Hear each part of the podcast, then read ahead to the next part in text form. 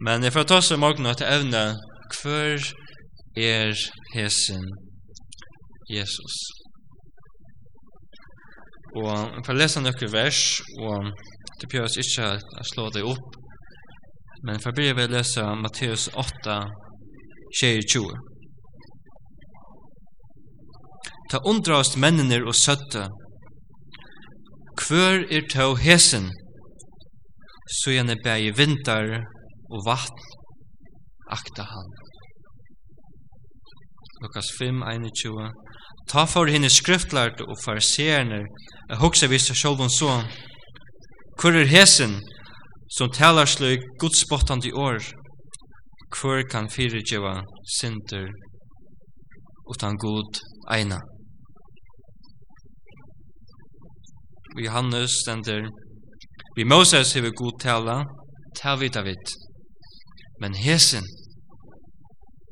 kven i han er, vita vit ikk. Det gav hun en ödel vittnesbor, og undrast av henne lufstale år, og gynnsi ut av munni hansar og det søtte, er hesen ikkje sonur Josef.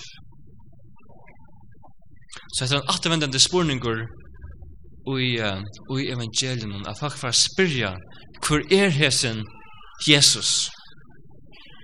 Han som stilla vindarna, han som um, kastar ut etlar andar, han som lærer vi myndleika, ikkje som, ikkje som det er skriftlærte. Hvor er hesen Jesus, som Josef ur Nazaret?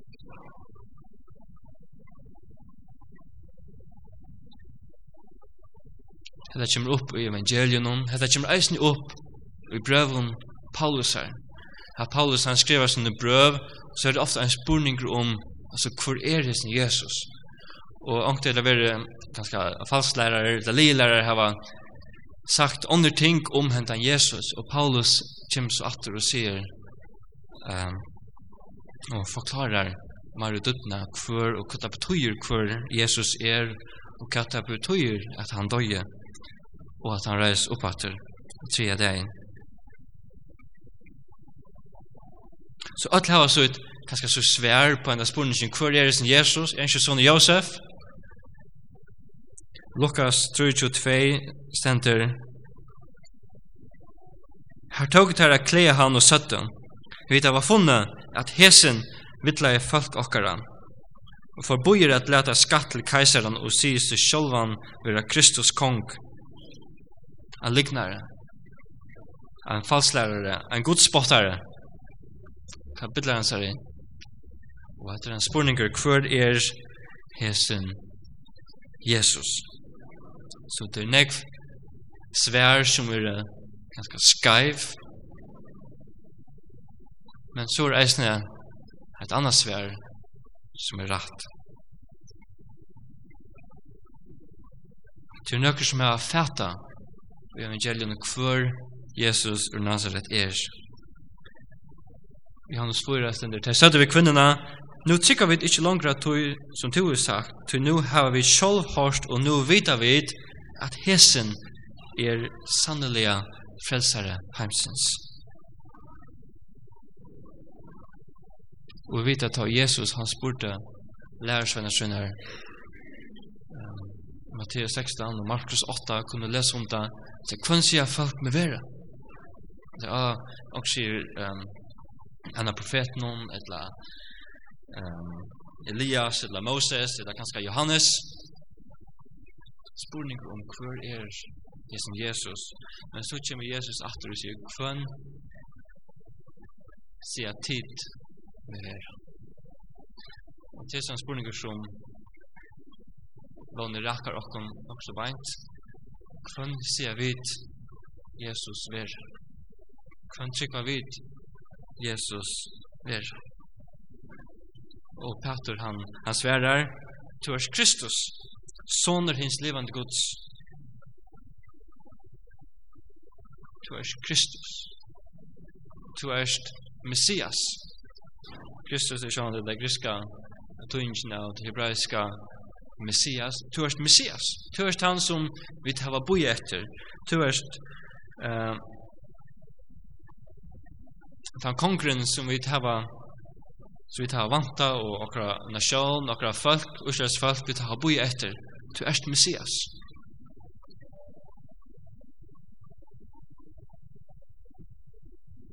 Philip sier vi Nathanael, vi tar funnet han som Moses hever skriva om i lovene, og profetan er vi, Jesus son Josef ur Nazaret. Altså vi har funnet han vi tar boi etter, han er kommet, han er her.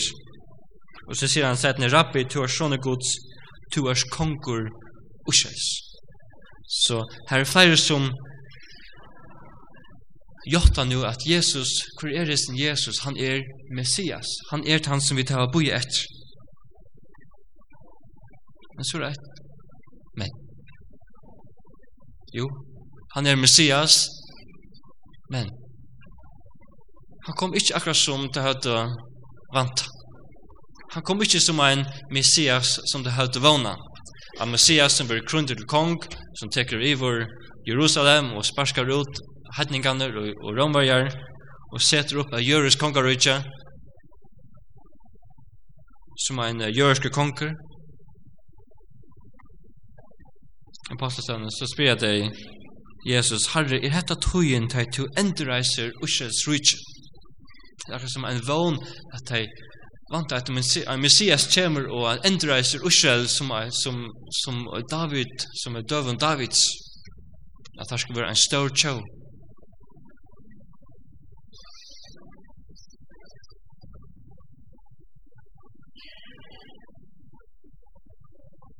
Jesus er Messias, men en lujande Messias. Nu er Messias, det er tolka og josen av Isaias 53. Hin lujande tjener Guds. lujande Messias, som faktisk er motsetninger i seg sjolven. En Messias skulle være en konger. Jo, vi tykker at Jesus er konger, men åren Det er kjøtt med om han var konkur, så får han kjøtt noen deian og krossdeian.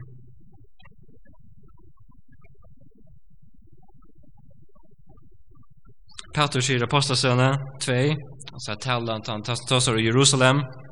Han begynner å nevne enda Jesus, han sier Jesus ur Nazaret, som tid krossfestet. Og så sier han, men Gud rasjer han opp, vi tar at han gjør det enda kvøl deians, tog ikkje var møvligt at han kunde være hilden av honom, og nu sitter i høyre hånd Guds. Du skal alt hus uskjøls, vi er obryggeligere visse vita, at Gud hever gjørt han til bæge Harra og Kristus, Messias, hentan Jesus som tid krossfest. Og Paulus han pratikar vi dyrve at hans Jesus som tid hava drype. Altså det er bare nekker få ideer fram og undan. Alltså folk vet det, folk minnas det. Och det är så han. Att det är samma, samma boje. Hessen Jesus som häckar krossen han var sin Messias som tid så långt jag hava boje efter. En krossfäste Jesus ur Nazaret han är Messias, Kristus, han är Herre. Og Paulus han kommer eisen i sunnen svære på en spurningen, hvor er hesen Jesus? Og Paulus han byrjar sin brød vanligvis at han sier han er apostel, han er tænare, hentan Jesus Krist.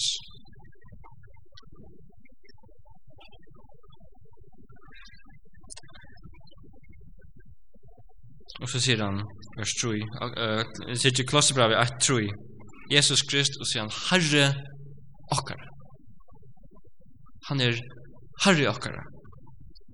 Og Herre det er ord som kan hava flere tøyningar men til Paulus så, så betyr det meire enn bare eit eit eit sir eit enskon eit høflet sir en lord som man kanskje sier enskon han er herren han er herren og vi må spyrja kvært hva hørte du der første, eller hva hørte jødene, og hva hørte du der første kristne, at det var sagt at Jesus er herr.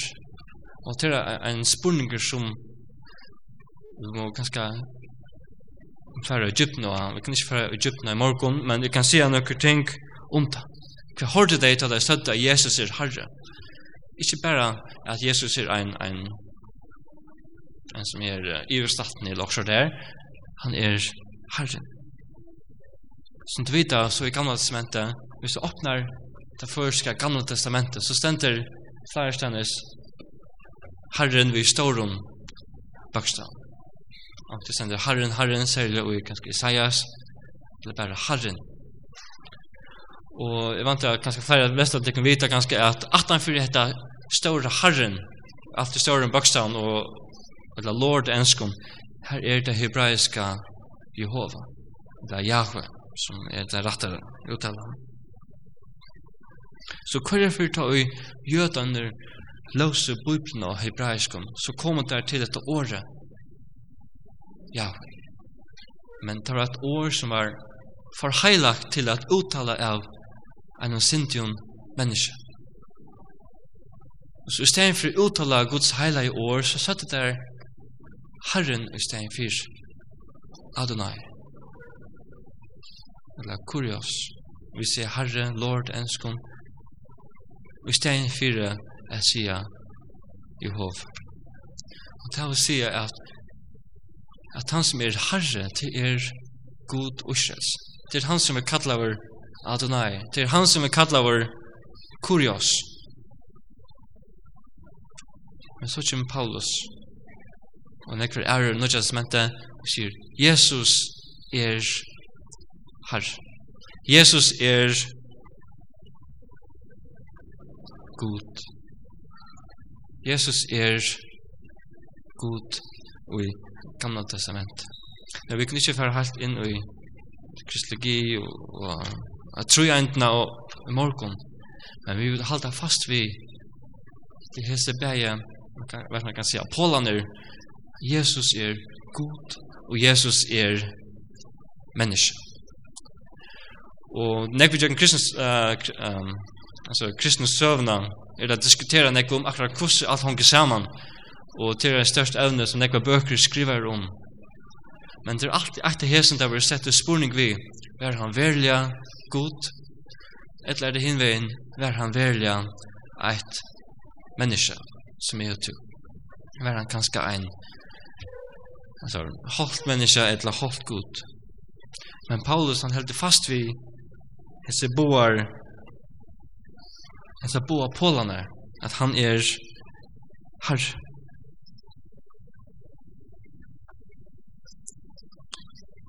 Da Paulus tøster om Jesus, så gjør han, um, det er ikke bare, han har ikke titlen bare fra gode i gamla testamentet, herre, men eisen i egenleikene og funksjoner som god i Gamla testamentet hever, så tillåter Paulus Jesus. Man kan se det såleis.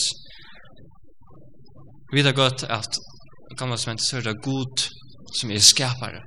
Men da Paulus skriver om Jesus, så sier han, «Tog i honom var alt skapt, ta i himmelen, ta av hjørne, hitt kjønnelige og hitt avkjønnelige. Verden og hasete, herre dømer teknet til av alt, Allt er skapt vi honom og til hansara. Han er framan undan öllum og i honum er ta alt er standard. Eller Johannes sier, opphavet var åre, åre var tja gode, og åre var god. Han var fra opphavet tja gode. Alt er våre til vi honom, og utan han er anki våre til at tog som til er. Og hade ett ävne man kunde haft färre alltså föreläsar om ganska hur Jesus är framsätter som skapar i hamsens. Jesus, han är god, han är herre, han är skapare. Og det er ikke bare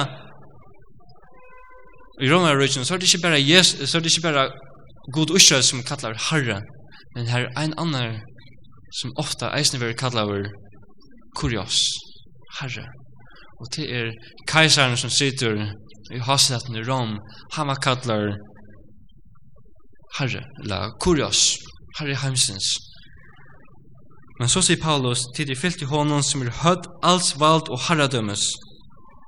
Jesus er hødd alls vald og herradømmes. Og i Flipperan 2.20 så skriver han, og i navnet Jesus er, hvers knæ skal bøtja seg, tarra som himli er, tarra som jörn er, og tarra som under ni er. Og hver tunga skal jotta at Jesus Kristus er Herre, gode feir til dård. Det er ikke keisaren Rom som er Herre. Jesus er Herre, sier Paulus. Jesus er Herre. Men så er det himpolren, Jesus er ikke bare en sånn, en sånn ante, som, en sånn godlig ante som reiker rundt. Han er Jesus ur Nazaret. Jesus ur bygden i herivre. Så vi kjente papan sara. Kjenner vi ikke bajan sara. Er det ikke træsmyren, skriver Markus um, 6, 3. Altså, er det ikke træsmyren, sonne Mario, er det ikke Jakob, Joses, Judas, Simon, brøver hans sara er ikke syster hans er her til okken, og der tok oss her illt av hon. Altså, vi, vi kjenner den mannen. Vi tar seg oss han, han vaks opp, vi kjenner familjena. Han er fra, hvis jeg er i fargen, så er det ganske veldig Kalbak, eller uh, velbærstad, eller... Altså, vi, vi kjenner disse bygdene. Og, og så skjøtt jeg skjøtt jeg gløyma at han, han var et verligt menneske. En så er og to skriver Hebreerbrevet, men to utan synd. Ofta tar vi suttja, altså malarujer av Så kom med malarier av uh, lærersvennen og Jesus, så ser man alltid Jesus. Han her en sånn, ikke sett det? En gloria sort, ikke sett det? Ljoma, etter så. Uh, så en god ring i pyrhøttene. Så ser man, hatt Jesus. Men problemet var at ta Jesus var av hjørne, så hei han onka sånna sånna, sånna gula ring, en, en glemme iver høtt. Altså, ta måtte få Jotas a svujtja Jesus for å finna hvor Jesus var. Så han, han skein ikkje, eller han glegva ikkje. Han så ut som et vanligt menneske. Så ta ut hans synd, Og antar det det ringte at halda saman se polaner Jesus er god, Jesus er menneska. Men det er alt etter Jesus at det var loppe alle på. Det var satt satt ur ive om.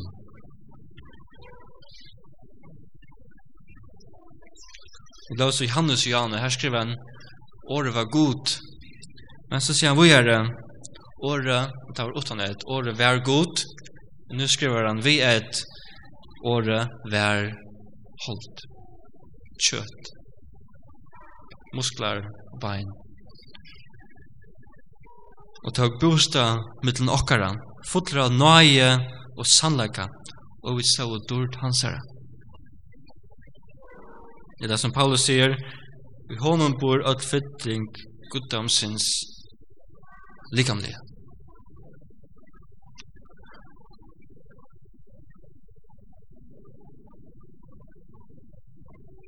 at han har Jesus var risen opp, og nekva sankmer var stående her, og det var så kristna sikven var spreddes rundt nekva stannes, så ble det stått rive om, altså, hva er Jesus et, et verlig menneske. Var han ikke en sånn en sånn ante, eller en sånn han, han kom til å være ordentlig kjøtt og holdt materialet til, til sånn øntnekka. Men Johannes, da han skriver fyrir Johannes er bra, han heldur fast ved det her, at Jesus, han var verlig kjøtt og holdt. Han skriver, jeg kan lese ganske Johannes er bra, 8-8, Det som vi for opphavet, det som vi var hårst, det som vi var sæv i egen okkara, det som vi skover, og henter okkara nå må vi til årløsens vi taler om som tosar om Jesus. Jesus er ikke bare en ante som, som flyr her og her. Han er ikke bare en sånn en, en sån halvt människa, halvt god, en sån demiurge som en sån rise som som en sån ska man säga som man ser bara inne vägen och har er att lägga sig ner att tillbe. Men han säger han lär människa. Altså, jeg har sett han. Jeg har norsk vi han. Jeg har hørst han. Altså, hena kvöld målte i samme vinen. Så vi gynge fra Jerusalem, eller fra Galilea til Jerusalem sammen. Ja, har tåsa ved han. Vi kjenner han. Han er en verlig menneske som er tog.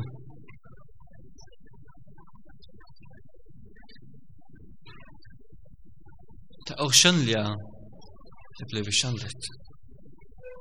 Ungen er nekkende til se god Hinn einborne sonren som er i fengi færisjens hever kunnjast han, at det er ui Jesus at Gud Israels er åpenberar, at hever suttja hver god er, kvosse god er. Jesus er Messias, men ein, ein lujande Messias.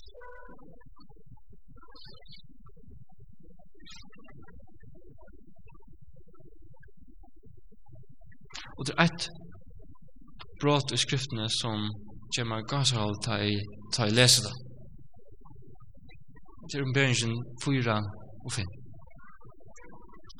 Og minst er han for Anker Seive med at han, tord, han kunne lese alle bøkene av bøkene, men ikke oppenberingsene. Det er at gjør han bengtene. Og til han en alvorlig miskilling av hva at oppenberingsene handler om. Det oppenberingsene ikke er skrivet at vi skulle reast. Men hon skriver at vi skulle få trost. At Jesus er vi sikra. Og jeg ætla at dreja fra eisen her bråtnum ur oppenberingsene. Det her sutja vi responsen av at hva er okkar rette responser til at hver Jesus er.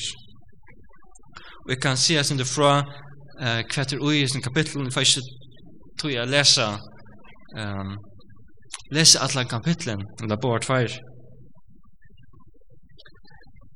Men Johannes han ser en åpenbering kapitel 4. En angel stendur við Johannes og han sier kom vi mer. Jeg skal vise deg nek. Og Johannes sier at han sa god Eller han sa hasat og gods i himla, og han sier, ein sæt og i hasat Så ein sitter her. Og man ser venner ved at det er god som sitter her, og han forklarer hvordan alt dette ser ut. Um, det skal ikke komme i detaljer, og her er fyra verer, og her er fyra tjo eldste. Og det viktigste, det er ikke at kan ha tolk alla detaljerna, men det er ikke etter hva det gjør. Det er råpa heilaver, heilaver, heilaver, er Herren god hin alvalte, han som vær, han som er, som kjemper. Ta i verna etter fra vers, kapitel 4, vers 9. Ta i verna djev honom dord, heir og tøkk, som i hasatten og sitter, og som lever i alder og atler æver. Fettla henne fyrir jo else, nyer fyrir honom, som i hasat og sitter, og til vi han, som lever vi alder og atler æver, og ta kasta kronosynar nyer for hasatnen og sia. Vergeres to harre og god okkara, er få dord, heier og mått. Ta du hever, ta du hever skapt alt, og tog du vilde til ham, verda til og verda skapt. Det er feiren som sitter i hasaten, og han vil tilbyen av, av verden og den eldste som, som sitter rundt om tronna skulle være tilbytt. Men, så sier Johannes, i hukte og i sa, at han som sitter i hasaten, han hever en bok rutle i håndene. Her skriver åttan og innan, men, og her var tjej innsiktlig av, men ånden vær, så kunde teka bøkrullene, og så kom det åpnene og den. Angelen kom det ikke. Det får ikke eldste kom det ikke. Det får av verner, det kom det ikke. Og Johannes sjølver, han kom det heller ikke. Johannes sier at jeg græt. Jeg græt. Ongen var verder at teka rullene og lesa han. Så jeg græt, men ta græt er sorgliga, så jeg åndsje meg funnet verder a lett opp bøkrutlene etla at hitje og gjerne. Men ta kommer til vers 5 og kapittel 5. Men, men eine hinnen eldste sier vimme, græt ikkje. Leivan av at Jota, Røsko Davids, hever sikra og kan leta opp bøkrullene under skje innsikle henne.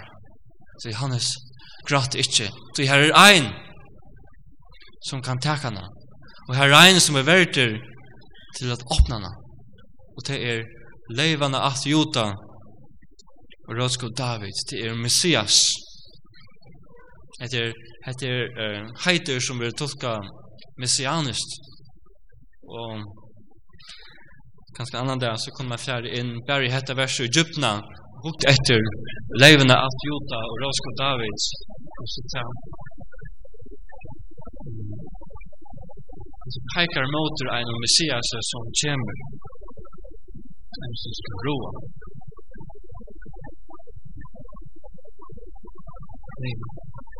Men, i sa Ta så i mitt, ta så i mitt, mitt passat och hina fulla värnar och hina äldsta lam standa ens og driv.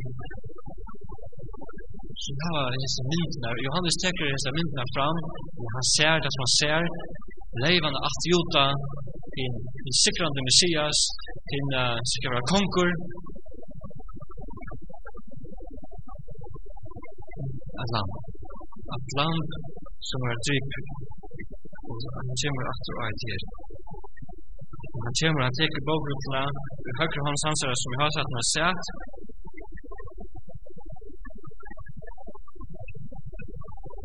Og han teker det, så leser vi er videre. Berger er stu, at teker bokrutla. Og altså, det får ikke verna, det får ikke elst, og det får ikke verna, det får ikke verna, det får ikke verna, synja nutja sång, så sier det her, Vergers du at teka bokrutlina, og leta opp innsikt til hennera, til to er strypen, og kjekte vi blod, tog noen god til menneskjøn, av ötlum afton, tungumalan, fakkum, og hans beslag. Så er vi, dejan, av handlum, av syren, av bunden. Han blir sikra, det var ikke utan om dejan, Tava o tjokk om det. Koncherar, ger serverende Så han kastet seg ner der till det.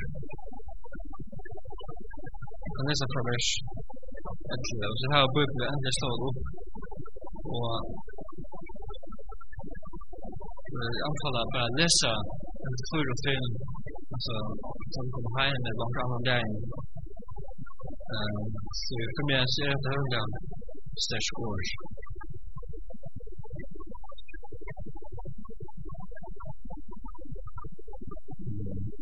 Vers 11. Og jeg sa, og jeg hørte rødt, mengra angla, rundt om passete, verner og henne estu, tal tarra, er 20.000 fyrir 20.000, 1000 fyrir 1000, så endalet. Og da støtte vi herrar rødt, verdet i lampen, vi tryggna at han mått, rykdom, visdom, styrke, heier, dord og sikring. Og hver skapning som er i himmelen, av hjørne, under hjørne og i havnen, det alt som teimen er ui, hørte jeg sia, honom som i hasaten sitter og lampen.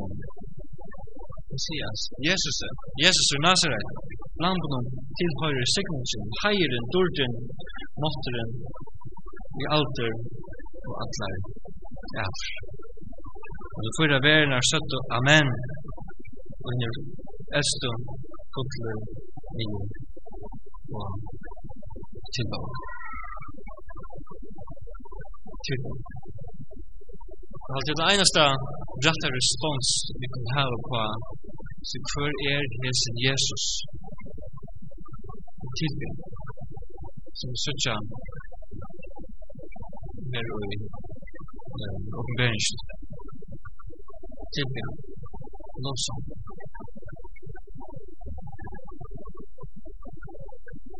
God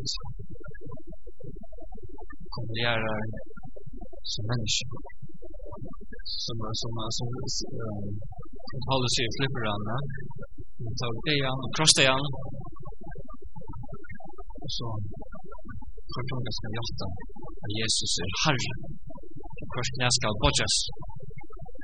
Til Og jeg vanlig at dette møtet var konsentrere at Egypten til til så skjønte at som vi selv som leser til det blir at man fer brenna fer dubbna og bakgrunden og der mal helt og hatta om han glemmer som er mitt Jesus tilbyr Man tar oss, du sind auch mal Zielbuch. Så kom her, kan den forrige grunder, at vi møter sammen og så godt, og synes jeg, Eisner, Tilbuch. Altså den Tilbuch, Tilbuch Messias, Løyhand Messias, som er litt til høyt som vi kjøpte en og vi kjøpte en blåa, han sikra, vann. Det var det, det